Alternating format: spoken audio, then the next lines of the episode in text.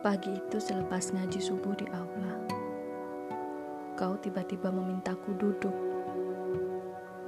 Kau menumpahkan kekesalan saat semua perhatian tertuju padaku. Mana aku tahu, perhatian itu tak aku minta. Aku tak bisa menolak saat mereka menyiapkan baju yang akan aku pakai untuk orasi. Aku tidak meminta saat mereka sibuk mencarikan sepatu yang sesuai untukku.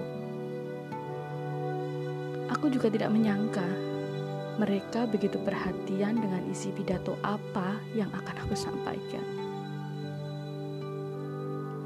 Aku ingat sekali masa-masa pemilihan OSIS memang tidak mudah.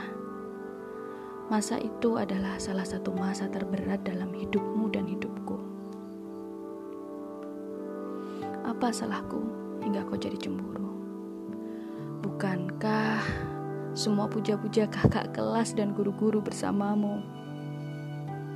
Lalu aku, mengapa kamu menumpahkan kekesalan ini kepadaku? Tak semua yang kau harap dariku bisa aku penuhi. Aku memilih pergi. Aku butuh ruang di mana aku bisa bernafas. Maaf, aku tak pamit padamu. Aku butuh jarak dan menjadi diriku sendiri. Aku tahu ini berat bagimu dan bagiku juga. Lalu, saat semua waktu berlalu dan kita berjuang masing-masing,